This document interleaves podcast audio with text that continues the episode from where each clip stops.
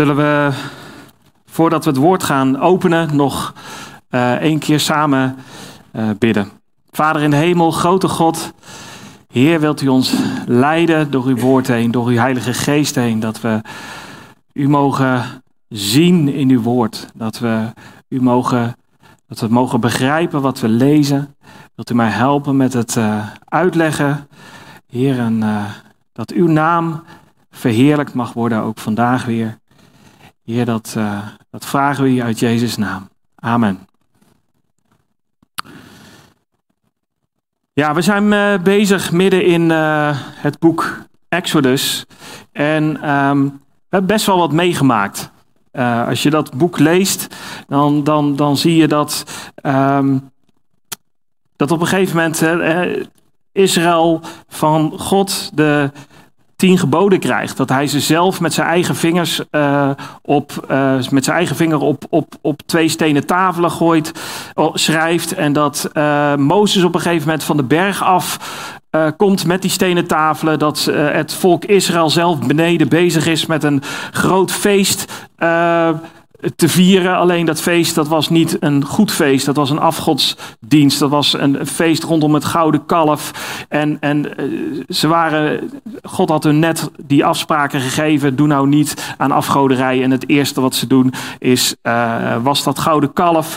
En, en Mozes gooit die stenen tegen de grond aan. En ze zijn kapot. En... God die, uh, die test Mozes en die zegt van ja, weet je, ik ga eigenlijk wel met jou opnieuw beginnen. En, en Mozes die, die, nou, die, die staat dan, um, die bidt dan voor het volk. En dan hebben we gezien dat er weer genade was. En dat God, God weer verder ging met, met Israël. En nou, wat, wat, wat een geweldig nieuws was dat. En God ging zelfs ook twee nieuwe stenen tafelen weer maken. En um, nou, daar waren we eigenlijk vorige keer geëindigd. Dat het uh, dat we zagen van hey, God ging het verbond weer vernieuwen. God ging weer verder met het volk uh, Israël. En, en vandaag zijn maar een paar versen die we uit Exodus uh, gaan lezen. Uh, want als je kijkt van, uh, nou dat mag je de volgende keer zelf, of mag je thuis nog eens zelf lezen, uh, dan zie je dat waar we vorige keer geëindigd waren, was dat God tegen Mozes zei, ja, heel het volk in het midden waarvan u verkeert zal de daden van de Heeren zien, want het is ontzagwekkend wat ik met, met u ga doen. Dat was hoofdstuk 34, vers, vers 10. En daarna ging hij opnieuw weer even een paar regels samenvatten en weer zeggen van hé hey jongens, hier moeten jullie echt op letten. Opnieuw die afgoderij, waarbij hij zei van let op, uh, geen afgoderij. En, um, en dan komen we vandaag aan bij, bij hoofdstuk 34, vers 27 en dan uh, zegt uh, de Bijbel dit. Verder zei de Heere tegen Mozes, schrijf deze woorden voor uzelf op, want op grond van deze woorden heb ik een verbond met u en met Israël gesloten. Hij was daar namelijk 40 dagen en 40 nachten bij de Heren. Hij at geen brood en dronk geen water. En God schreef, schreef op de tafelen de woorden van het verbond, de tien woorden. Dus Mozes was 40 dagen, 40 nachten bij God en geen brood en geen water. Dat is een wonder, want zo lang kan een mens helemaal niet uh, leven eigenlijk zonder, uh, tenzij dat God hem in leven houdt. En dan gebeurt er dit, iets heel bijzonders in eh, vers 29. Eh, en dat gebeurde toen Mozes van de berg Sinaï afdaalde. De twee tafelen van de getuigenis waren in Mozes hand. Toen hij van de berg afdaalde, dat Mozes niet wist dat, het, dat de huid van zijn gezicht glansde, omdat de Heer met hem gesproken had. Aaron en al de Israëlieten keken Mozes aan en zie, de huid van zijn gezicht glansde. Daarom waren zij bevreesd om dichter bij hem te komen. Mozes riep hen echter bij zich. Aaron en al de leiders van de gemeenschap keerden naar hem terug en Mozes sprak tot hen. Daarna kwamen al de Israëlieten naar voren en hij gebood hun alles wat de Heer met hem besproken had op de berg Sinaï. En nadat Mozes geëindigd had met hen te spreken, legde hij een doek over zijn gezicht. Maar telkens wanneer Mozes voor het aangezicht van de Heere kwam om met hem te spreken, deed hij de doek af totdat hij weer naar buiten ging. En wanneer hij naar buiten gegaan was, sprak hij tot de Israëlieten wat hem geboden was. En als de Israëlieten aan het gezicht van Mozes zagen dat de huid van het gezicht van Mozes glansde, dan deed Mozes de doek weer over zijn gezicht, totdat hij naar binnen ging om met hem te spreken. Wat een. Ja, weet je, ik weet niet of je dat ook wel eens hebt als je de Bijbel leest, dat je denkt van, dit zijn momenten waar ik er eigenlijk wel bij had willen zijn. Om dat nou eens te zien. Ehm, wat daar gebeurde. En tegelijkertijd, waarschijnlijk zou mijn reactie hetzelfde zijn geweest als de reactie van het volk. Dat ze bevreesd waren om dichter bij hem te komen. Op een, een of andere manier was het zo dat, dat, dat Mozes zo dicht bij, bij, bij God was um, en, en, en had de, de, het brengen van het woord van God uh, op die stenen tafelen zoveel impact dat de heerlijkheid van God afstraalde op Mozes. En, en Mozes had het niet eens door dat dat het geval was. Maar het kwam, zegt de Bijbel hier, omdat de Heer met hem gesproken had. Nou, de eerste keer dat dat gebeurde, de eerste keer dat Mozes met God had gesproken, lezen we daar niks van. Maar hier, de tweede keer van het verbond, gebeurde dit met, met Mozes. Dus dit heeft een betekenis. En ook al zijn het een paar versen, uh, is het goed om daarover over na te denken van waarom staat dit er nou in de Bijbel? Waarom gebeurde dit nou? Waarom liet God dit gebeuren? Um, het gezicht van Mozes straalde. En dat doet ook heel erg denken aan het gedeelte waarvan, uh, waar we, wat we eerder ook al gelezen hebben in Exodus 33. Dat uh, Mozes aan God vraagt van mag ik uw heerlijkheid alsjeblieft zien? En dat God zegt ja dat, dat kan je niet zien want dan zul je sterven. Maar weet je wat, ik, ik ga aan je voorbij en dan zal ik van, als je voorbij bent gegaan, dan zal ik mijn hand wegnemen en dan zul je mij van achteren zien. Maar mijn aangezicht zal niet gezien worden.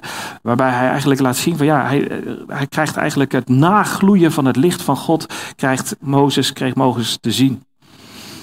Maar het, het, het, het, het stralen van het gezicht van Mozes is zo, zo krachtig dat Mozes een doek ter bescherming opdoet. Um, de Israëlieten waren, waren eigenlijk bang en dan nou, zie je dat, uh, en dan als de Israëlieten aan het gezicht van Mozes zagen dat de huid van het gezicht van Mozes glansde, dan deed Mozes de doek weer over zijn gezicht totdat hij naar binnen ging om met hem te spreken. En dan kun je over na denken van ja, maar waarom, waarom gebeurde dit nou op deze manier? Nou, dan kunnen we uitgebreid uh, uh, gaan filosoferen daarover. Waarom gebeurde dit? Maar het is iets heel bijzonders, want God heeft in het Nieuwe Testament uitgelegd waarom dit gebeurde. En, um, en daar wil ik eens met jullie naar gaan kijken. Dus we gaan nu naar het Nieuwe Testament, naar uh, uh, 2 Korinthe. Uh, vanaf vers 17 van hoofdstuk 2. En daar zie je dat er een betekenis aan vastzit aan dit gebeurtenis. En um, Paulus die gaat daar uitleggen dat er een. Um, dat dit te maken heeft met de heerlijkheid eigenlijk van het oude verbond en van het nieuwe verbond. Nu, nu hebben we daar al eerder bij stilgestaan. We hebben al eerder bij stilgestaan van wat is nou de wet van Mozes en wat is de wet van Christus. En um, hoe verhoudt dat zich tot elkaar en et cetera. Daar, daar hebben we al naar gekeken. Maar um, dit gedeelte van, van wat, wat Paulus hier uitlegt vond ik zo duidelijk en zo zo mooi dat ik uh, met, met een praktische toepassing ook voor ons eigen leven, dat ik zoiets had van nou laat Paulus het eigenlijk maar uitleggen wat, hier nu, wat we hier net hebben gezien uh, gebeuren in Exodus uh, 34. En um, Waar die, waar die in zit, is, is eigenlijk, hij, nou, hij is een hele brief natuurlijk aan het schrijven aan de, aan de Korinthe. En kennelijk is er iets aan de hand bij de Corinthiërs. En um, kennelijk speelt er iets. Um, we weten niet precies wat er uh, speelde. Maar uh, het lijkt erop dat Paulus zich een beetje moet gaan verdedigen. En um, nou, Paulus die zegt, ja, maar dat is eigenlijk helemaal niet nodig. En dan komen we aan in, in hoofdstuk 2, vers 17. Want wij zijn niet als zoveel, zegt Paulus, die handel drijven met het woord van God, maar als in oprechtheid, maar als vanuit God. Voor Gods aangezicht spreken wij het in Christus. Hij maakt duidelijk waar zijn autoriteit ligt. Hij spreekt voor Gods aangezicht in Christus. Beginnen wij onszelf weer aan te bevelen. Dus moet hij weer zeggen van nou maar oké, ik, ik heb hier ehm, uh, ik, ik, heb hier gezag om dit te doen. Of hebben wij zoals sommige aanbevelingsbrieven voor u nodig, of aanbevelingsbrieven van u? U bent onze brief, geschreven in onze harten, gekend en gelezen door alle mensen. Het is immers openbaar geworden dat u een brief van Christus bent, door onze bediening opgesteld, geschreven niet met inkt, maar door de geest van de levende God. Niet op stenen tafelen, maar op tafelen van vlees van de harten. Zo'n vertrouwen nu hebben wij door Christus op God. Hij gaat in dit gedeelte Ehm, het oude verbond vergelijken met het nieuwe verbond. Hij gaat uitleggen wat er gebeurde in het oude verbond met de wet van Mozes en met uh, het nieuwe verbond. En hij legt hier in, in, in het eerste stuk legt hij al uit. Hij zegt van, wacht even, en dat zien we hier al terugkomen. Het is immers openbaar geworden dat u een brief bent van Christus, door onze bediening opgesteld, geschreven niet met inkt, maar door de geest van de levende God niet op stenen tafelen, maar op de tafelen van vlees van de harten. Dus bij Mozes had God met zijn vinger op stenen tafelen geschreven. Um, en hij zegt van ja, maar jullie zijn die brief. God heeft door de Heilige Geest heen in de harten van mensen geschreven. En Daarin zie je dus het oude verbond tegenover het nieuwe verbond. Dat is iets wat, wat God ook al had aangekondigd in Jeremia 31, vers 33. Voorzeker, dit is het verbond dat ik na die dagen met het huis van Israël sluiten zal, spreekt de Heer. Ik zal mijn wet in hun binnenste geven en zal die in hun hart schrijven. Ik zal hen tot een God zijn en zij zullen mij tot een volk zijn.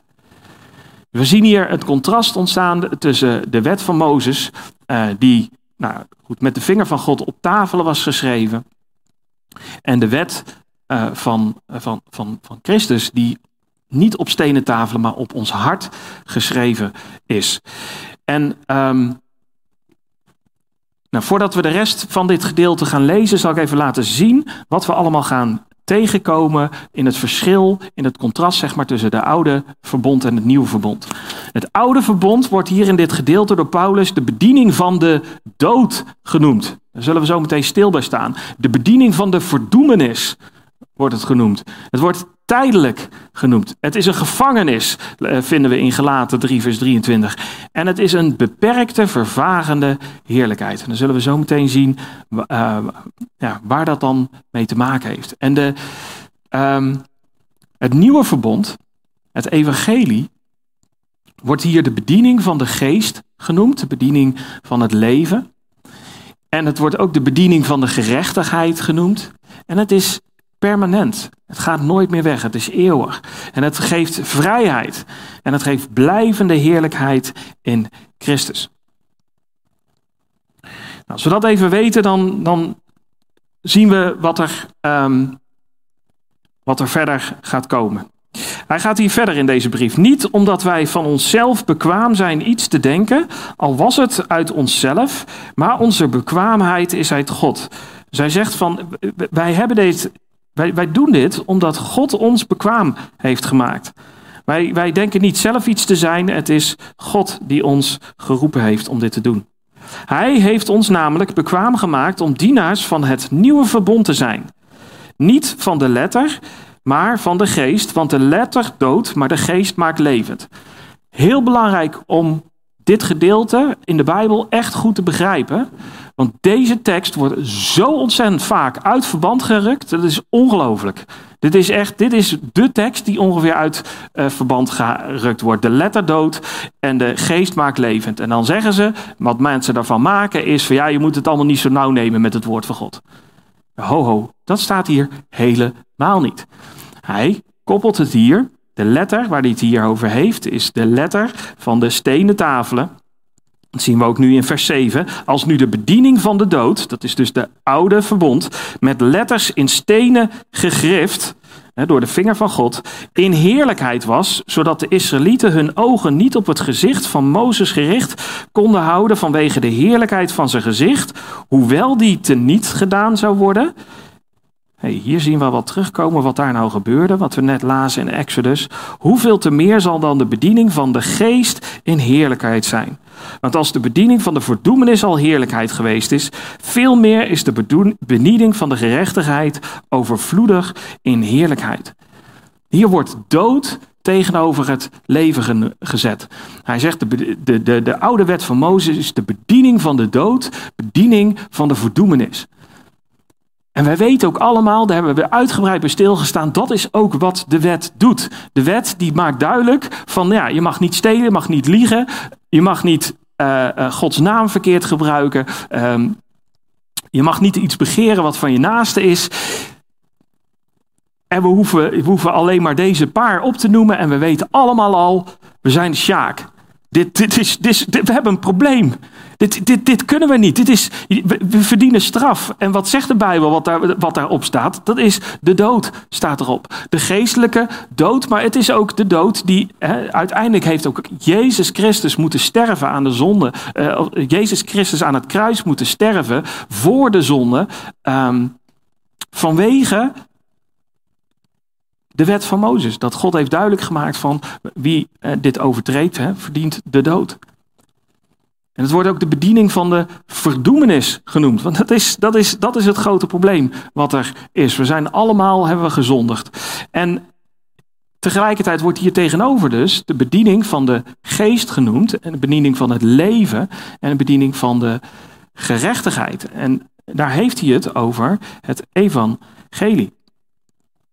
Nou, als we die tegenover elkaar zetten, dan zie je ook wat. Um, zie je dat ook in andere gedeeltes terugkomen. In Romeinen 3 wordt dat uitgelegd. Wij weten nu dat alles wat de wet zegt, zij, dat spreekt tot hen die onder de wet zijn, opdat elke mond gestopt wordt en de hele wereld doemwaardig wordt voor God.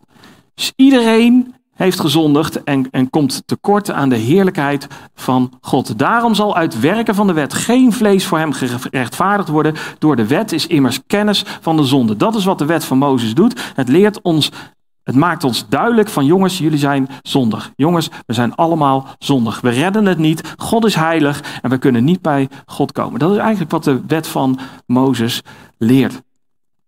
En het uitkomst daarvan is de dood. Het loon van de zonde is de dood. Maar daar tegenover staat de wet van Christus, eh, het evangelie. En in 2 Korinthe 5 wordt dat uitgelegd. Wij zijn dan gezanten namens Christus alsof God zelf door ons smeekt. Namens Christus smeken wij, laat u met God verzoenen. Want hem die geen zonde gekend heeft, heeft hij voor ons tot zonde gemaakt, opdat wij, worden, opdat wij zouden worden gerechtigheid van God in hem. God heeft de zonde van, van, van ons heeft hij op Jezus gelegd, zodat wij Jezus zijn gerechtigheid ons zou toegerekend worden, um, zodat wij bij God kunnen komen. En hij legt uit als de, eh, en daarom heb ik die ook tegenover elkaar gezet. Het is Romeinen 6, vers 23, die zegt: Want het loon van de zonde is de dood. Maar die tekst gaat gelukkig verder, en dat is de uitleg van het Evangelie. Maar de genadegave van God is eeuwig leven door Jezus Christus, onze Heer. Dat is het Evangelie, en dat is de heerlijkheid van het Evangelie. Want hij legt ook uit, wat we daarnet al zagen. Ehm, hij zegt van als de wet van Mozes al, um, zagen we hier,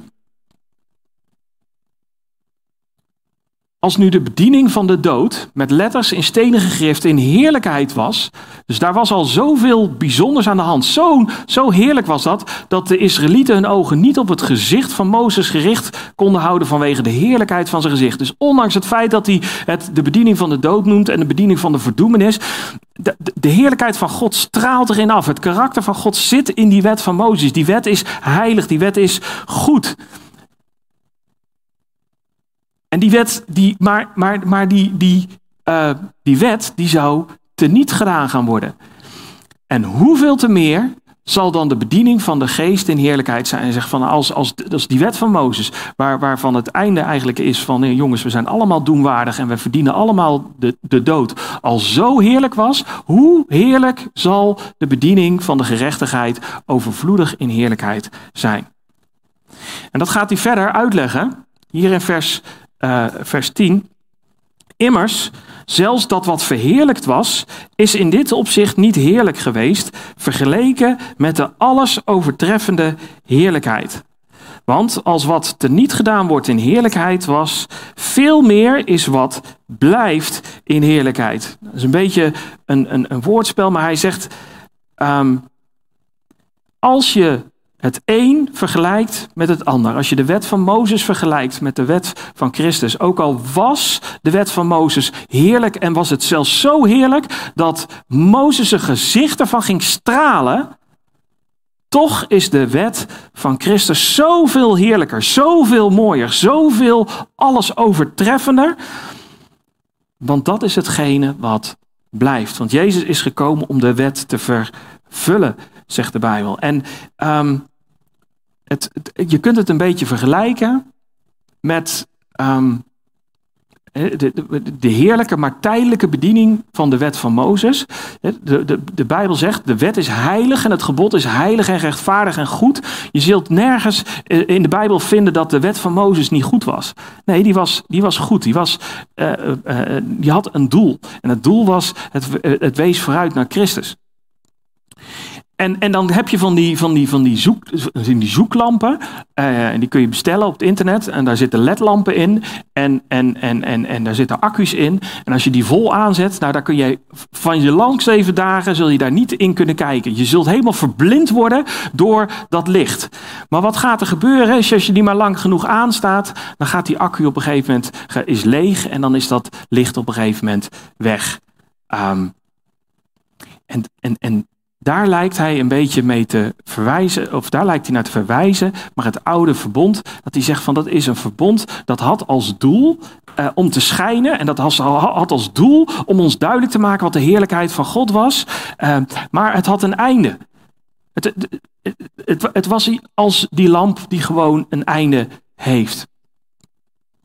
Maar de alles overtreffende permanente heerlijkheid van de geest, dat is hetgene waar het om draait. Dat is, dat is het evangelie. En, en Johannes die beschrijft dat zo in, in, in het Johannes-evangelie uh, over, hoe, over Jezus. En dan zegt hij, het woord is vlees geworden. Dat de Heer Jezus, hij heeft onder ons gewoond. En wij hebben zijn heerlijkheid gezien. Een heerlijkheid als van de enige geboren van de Vader. Vol van genade en waarheid. Johannes, de doper die getuigd van hem heeft geroepen. Hij was het van wie ik zei, deze die na mij komt is voor mij geworden. Want hij was er eerder dan ik. En uit zijn volheid hebben wij alle ontvangen, wel genade op genade. Want de wet is door Mozes gegeven. De genade en de waarheid zijn er door Jezus Christus gekomen. Dat is te vergelijken met de zon. Als je die zon tegenover die, dat, dat, dat, dat stomme lampje zet, uh, wat we er net zagen, dan was die lamp was prachtig en die kan, die kan deze hele ruimte kan die vervullen met licht. Maar de zon is zoveel krachtiger en zoveel uh, oneindiger qua energie wat dat betreft. Dus ik denk dat je een beetje dat beeld ten opzichte van elkaar moet vergelijken. En dat probeert Paulus duidelijk te maken van, van hey, die wet van Mozes ten opzichte van uh, de heerlijkheid, de blijvende heerlijkheid van het evangelie. Want hij legt verder uit in vers 12, omdat wij dan een dergelijke hoop bezitten, gaan wij met veel vrijmoedigheid te werk. Let erop, hij was nog steeds aan het vertellen van, van de, waarom hij dit kan vertellen. Waarom hij een apostel is van God. Waarom hij het evangelie vertelt. En dan komt weer, dan grijpt hij dus weer terug op de situatie van Mozes. En doen wij niet zoals Mozes, die een bedekking op zijn gezicht legde, opdat de Israëlieten hun ogen niet gericht zouden houden op het einddoel van wat teniet gedaan wordt. Dus Paulus legt hier uit waarom Mozes een bedekking op zijn gezicht deed. En wat hij hier volgens mij duidelijk maakt, is, en volgens mij wist Mozes dit, want Mozes werd ook een, vriend van God genoemd. Mozes, of, of uh, God praatte met Mozes als een man met zijn vriend praat. Mozes was op de hoogte van wat Gods plannen waren. En um, Mozes wist dat de wet die hij nu kreeg van God, dat dat niet de oplossing was, maar dat Christus de oplossing zou zijn.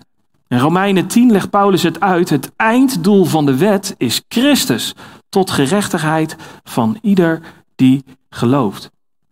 En, en in um, ehm, 1 Petrus 2, vers, vers 10 tot 12 wordt uitgelegd dat de profeten, en Mozes was ook een profeet, dat die gezocht hebben naar eigenlijk naar het evangelie, naar de betekenis van het evangelie. Naar deze zaligheid hebben de profeten die geprofeteerd hebben over de genade die aan u bewezen is, aan ons bewezen is, gezocht en gespeurd. Zij onderzochten op welke en wat voor tijd de geest van Christus, die in hem was, doelde toen hij tevoren getuigde van het lijden dat op Christus komen zou en ook van de heerlijkheid daarna.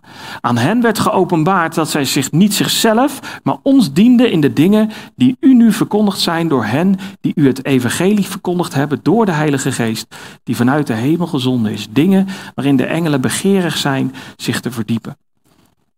Ik denk dat Mozes wist, de wet die hij nu bracht, dat was niet het einddoel. Dat zou, de, de, dat zou tot een einde komen. Het einddoel was Christus. En, en, en um, dat was de heerlijkheid die eigenlijk op dat moment al weer spiegelde in zijn gezicht. En daarom bedekte hij um, zijn gezicht, want, want zij moesten zich niet richten op dat, uh, op dat einddoel van wat er niet gedaan wordt. Um,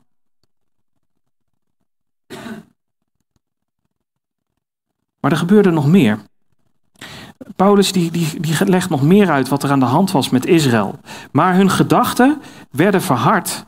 Want tot op heden blijft diezelfde bedekking bij het lezen van het Oude Testament zonder te worden weggenomen. Die bedekking wordt niet gedaan in Christus. Zij ziet er nog een, een, een symbool in eigenlijk wat er gebeurde. Een bedekking die, die gedaan werd. En hij zegt van dat was eigenlijk een bedekking van hun verstand. Ze zagen het niet. Die bedekking wordt teniet gedaan in Christus. Ja, tot op heden ligt er wanneer Mozes gelezen wordt, hè, dus de, de, de, de vijf boeken van Mozes en uh, al die dingen, als die voorgelezen worden in, in een Joodse synagoge, is er een bedekking op hun hart.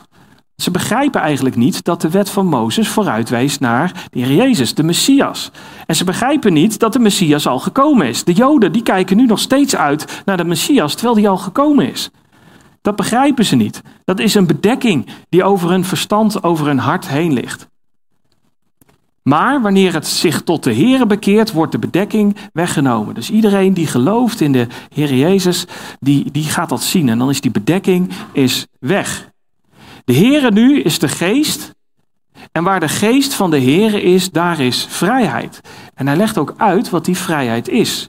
Wij allen nu, die met onbedekt gezicht de heerlijkheid van de Heer als in een spiegel aanschouwen, worden van gedaante veranderd naar hetzelfde beeld, van heerlijkheid tot heerlijkheid, zoals dit door de geest van de Heer bewerkt wordt. De Heilige Geest, die bewerkt in ons vrijheid. Daar is vrijheid.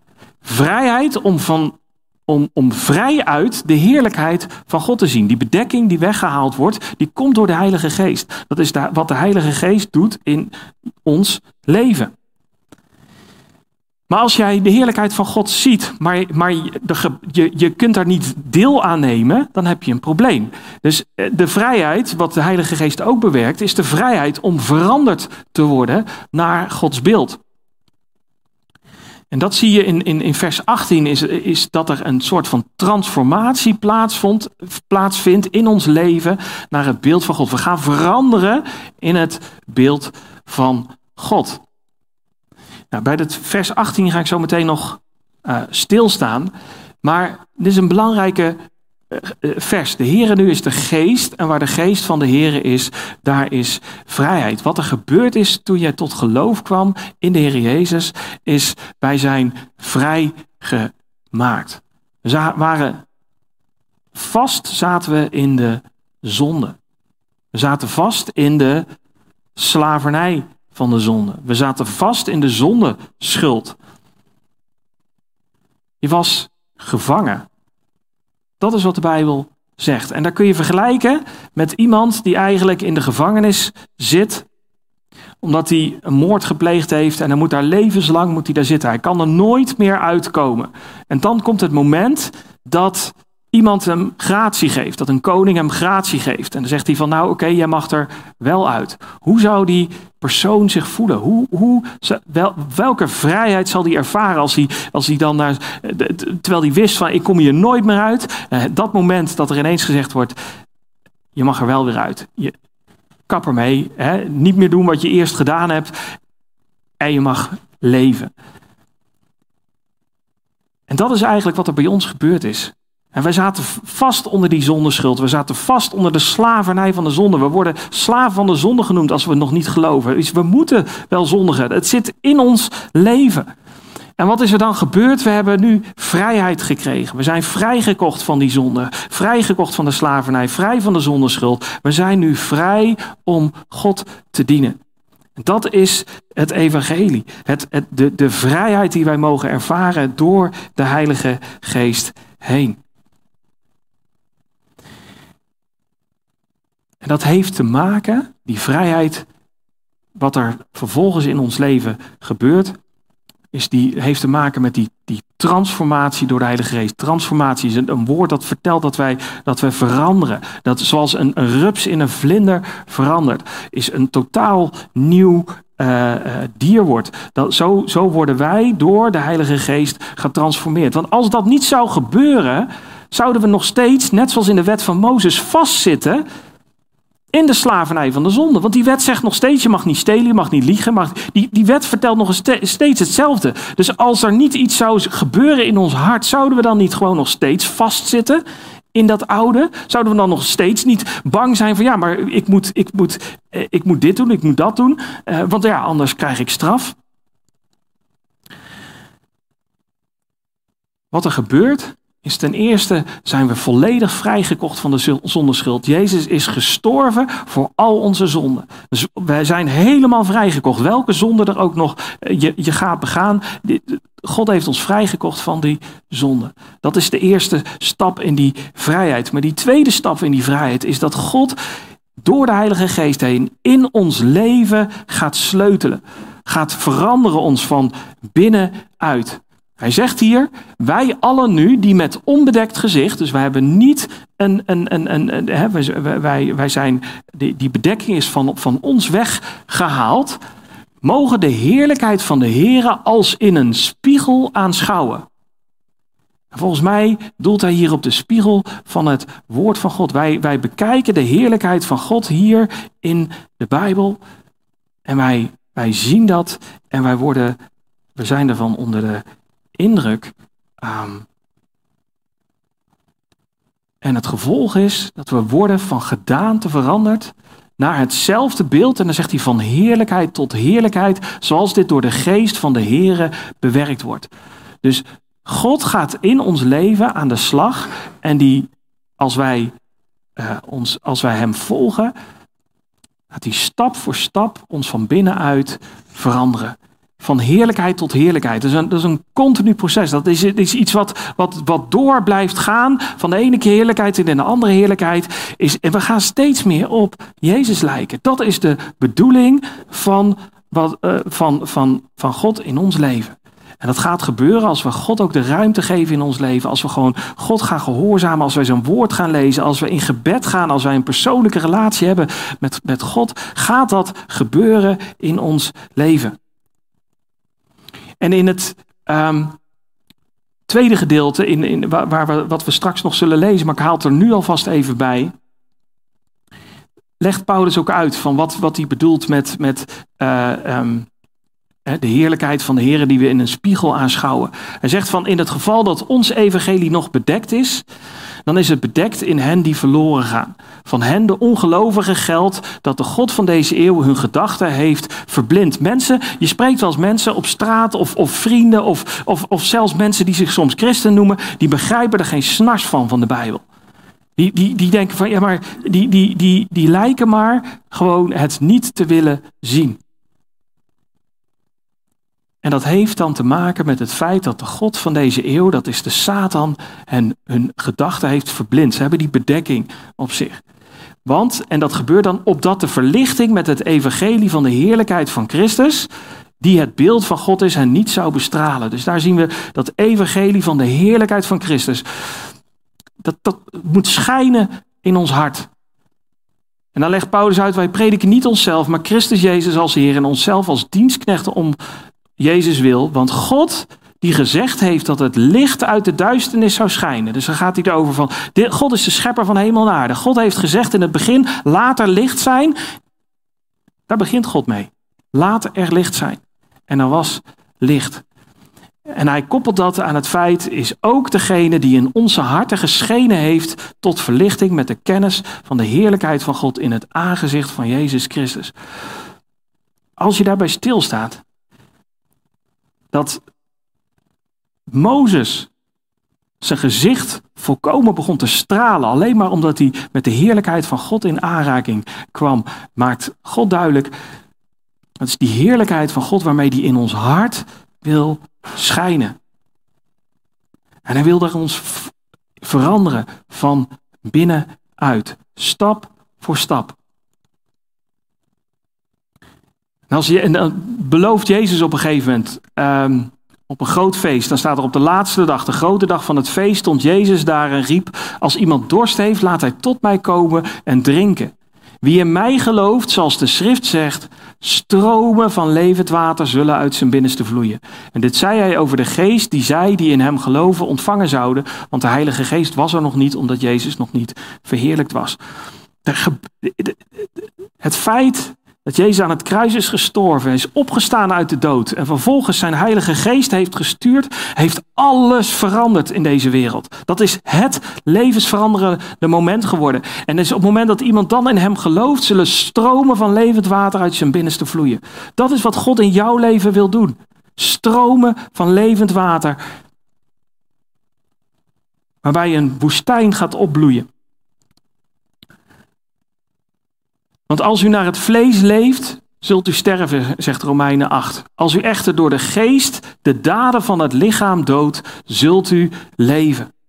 Immers, zoveel als door de geest van God geleid worden, die zijn kinderen van God door de geest de daden van het lichaam doden. Dat is, dat is wat, wat dat transformatieproces. Dat is, dat is dat, je, dat je de Bijbel leest en je op een gegeven moment denkt van ja, maar dit is, dit is niet oké in mijn leven. En, en Heere God, wilt u mij alstublieft veranderen? Ik wil dit niet meer. Ik, ik, ik wil hiermee afrekenen. Wilt u mij daarbij helpen om dat te doen? En, dan, ben je er, en dan, dan kies je ervoor om het niet meer te doen. En dat is door de geest de daden van het lichaam doden. En dan, dat geeft leven. En dan zegt hij ook, dat is de leiding door de geest van God, die zijn kinderen van God. En dan zegt hij ook, u hebt niet de geest van slavernij ontvangen, die opnieuw tot angst leidt, maar u hebt de geest van aanneming tot kinderen ontvangen, door wie wij roepen, door wie wij roepen, Abba, Vader. Stap voor stap wil God ons veranderen als een kind van God. Steeds meer op de Heer Jezus laten lijken. En, en, en dat is de heerlijkheid van Christus, die mag schijnen. En als we erbij stilstaan dat Mozes zijn gezicht begon te stralen alleen maar omdat hij de wet van Mozes, omdat hij de wet van God kreeg. Um, kun je daarbij stilstaan? De wet op stenen tafel, die veranderde Mozes zijn gezicht. Maar de wet op de tafel van ons hart verandert wie wij zijn. Dat is het verschil. En daarom is die heerlijkheid van het evangelie zoveel groter dan de wet van Mozes. Daarom is de heerlijkheid van het evangelie zoveel groter dan de heerlijkheid van de wet van Mozes. En daarom als je kijkt naar zo'n gedeelte waarvan Mozes begon te stralen, zijn gezicht begon te stralen, is dat volgens mij een, een, een beeld eigenlijk, een vooruitwijzing naar ons. Hoe wij zouden moeten stralen van binnenuit. Hoe, wij, hoe het licht van Christus ons leven van binnenuit zou moeten veranderen. En dat we steeds meer op Jezus gaan lijken. Dat ons leven gaat stralen. En Paulus, die geeft niet op. En ik, denk, ik, ik, ik dacht van, ik, ik wil hiermee doorlezen. De, de, de, Bijbel zoals die geschreven is, kent geen hoofdstukken. Um, die hoofdstukken hebben later gewoon vertalers toegevoegd. Maar Paulus is nog steeds bezig met zijn bediening. En dit gedeelte wil ik lezen omdat het ook van toepassing is, ook nu op de situatie, ook bij ons in de gemeente. Daarom, aangezien wij deze bediening hebben, naar de barmhartigheid die ons bewezen is, verliezen wij de moed niet. Paulus zegt van, ik heb die bediening, heb ik alleen maar gekregen omdat God barmhartig is geweest, omdat God genadig is geweest. Ik, ik verlies de moed niet, ook niet als ik aangevallen word. En dat is ook wat Philip en ik gewoon ook aangeven. Integendeel, zegt Paulus, wij hebben de schandelijke verborgen praktijken verworpen. Wij wandelen niet in bedrog en vervalsen ook niet het woord van God. Dat doen wij ook niet. We, we, we, maken er niks bij. We verzinnen niks wat hier niet in staat. Geen regeltjes van mensen. We brengen gewoon het woord van God. Maar door het openbaar maken van de waarheid bevelen wij onszelf aan bij elk menselijk geweten in de tegenwoordigheid van God. Hij zegt, ik maak gewoon de waarheid openbaar en mag jij zelf beoordelen of ik een dienaar ben van God. Hij zegt, dat doen wij in de tegenwoordigheid van God. Maar in het geval dat onze evangelie nog bedekt is, dan is het bedekt in hen die verloren gaan. Hij zegt van ja, als mensen het zijn die het niet snappen, die het afwijzen, dan, dan heeft dat te maken met het feit dat ze ongelovig zijn, dat ze verloren gaan. Van hen, de ongelovigen, geldt dat de God van deze eeuw hun gedachten heeft verblind, opdat de verlichting met het evangelie van de heerlijkheid van Christus, die het beeld van God is, hen niet zou bestralen. Want, zegt hij, wij prediken niet onszelf, maar Christus Jezus als Heere en onszelf als uw dienstknechten om Jezus wil. Wij staan hier niet om te zeggen, ja, je moet maar Philip volgen, je moet maar Onno volgen. Absoluut niet. Wij staan hier alleen maar omdat wij zeggen, Christus is Heere. Volg Jezus na. Volg zijn woord na. En wij, wij zijn slechts dienstknechten om Jezus wil. Dat is wat Paulus zei en ik, ik, ik durf dat ook te zeggen.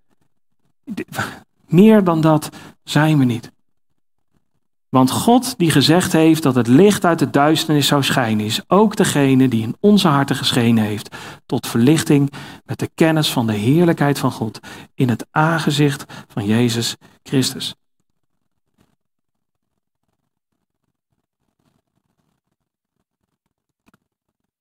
Zoals we hier naar kijken. Wij allen nu, die met onbedekt gezicht de heerlijkheid van de Heere als in een spiegel aanschouwen, worden van gedaante veranderd naar hetzelfde beeld van heerlijkheid tot heerlijkheid, zoals dit door de geest van de Heere bewerkt wordt. Ik hoop echt dat als jij de Bijbel leest, dat als jij hier in de gemeente komt en het woord van God hoort en leest, dat je daar blij van wordt. Dat je hart ervan gaat stralen. Dat je merkt van dit is waarheid. Dit is wat ik wil volgen. Dit is wat ik wil doen. Ik wil dat mijn leven hierdoor veranderd wordt. Van binnenuit. En de spiegel waar Paulus het dan over heeft, is goed om te beseffen. In die tijd hadden ze spiegels niet zoals wij. Bij ons is het allemaal heel scherp en helder in tijd. In die tijd deden ze gewoon metaal uh, um, heel glad maken, zodat je een beetje er goed in kon kijken. Wij zien nu nog de heerlijkheid van de Heer, zien we in het woord van God. Maar, maar we hebben daarnet ook al het lied gezongen. Straks zullen wij Jezus zien zoals die is.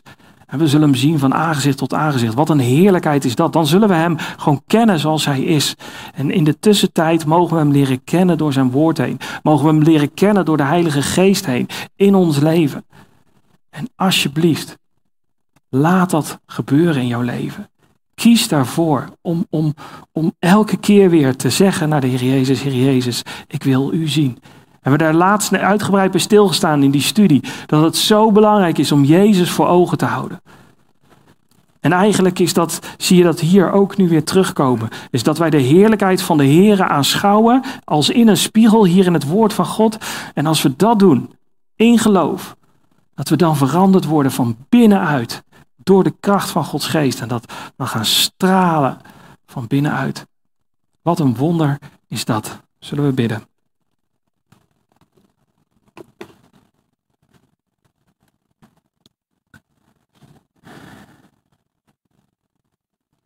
Vader in de hemel. Grote God.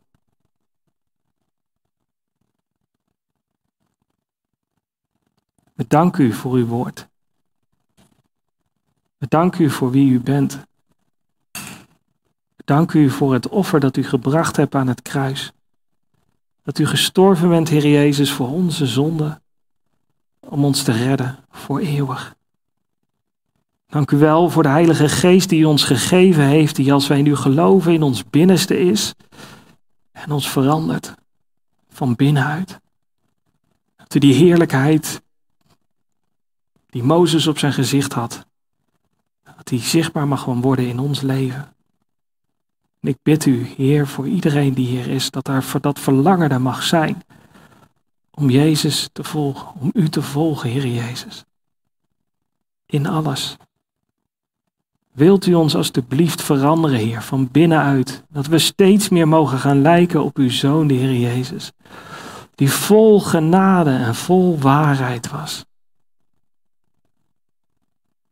Ik bid u dat u dat doet in al onze levens. Elke keer weer, Heer, dat we mogen onder de indruk mogen zijn van wie u bent en wat u voor ons gedaan heeft. En dat we een verlangen mogen hebben om dat ook uit te dragen naar de mensen om ons heen. Ik dank u voor nogmaals alles voor wat u daarin gedaan heeft. Ik dank u dat u dat het allemaal puur genade is. Alleen door het geloof in u, Heer Jezus.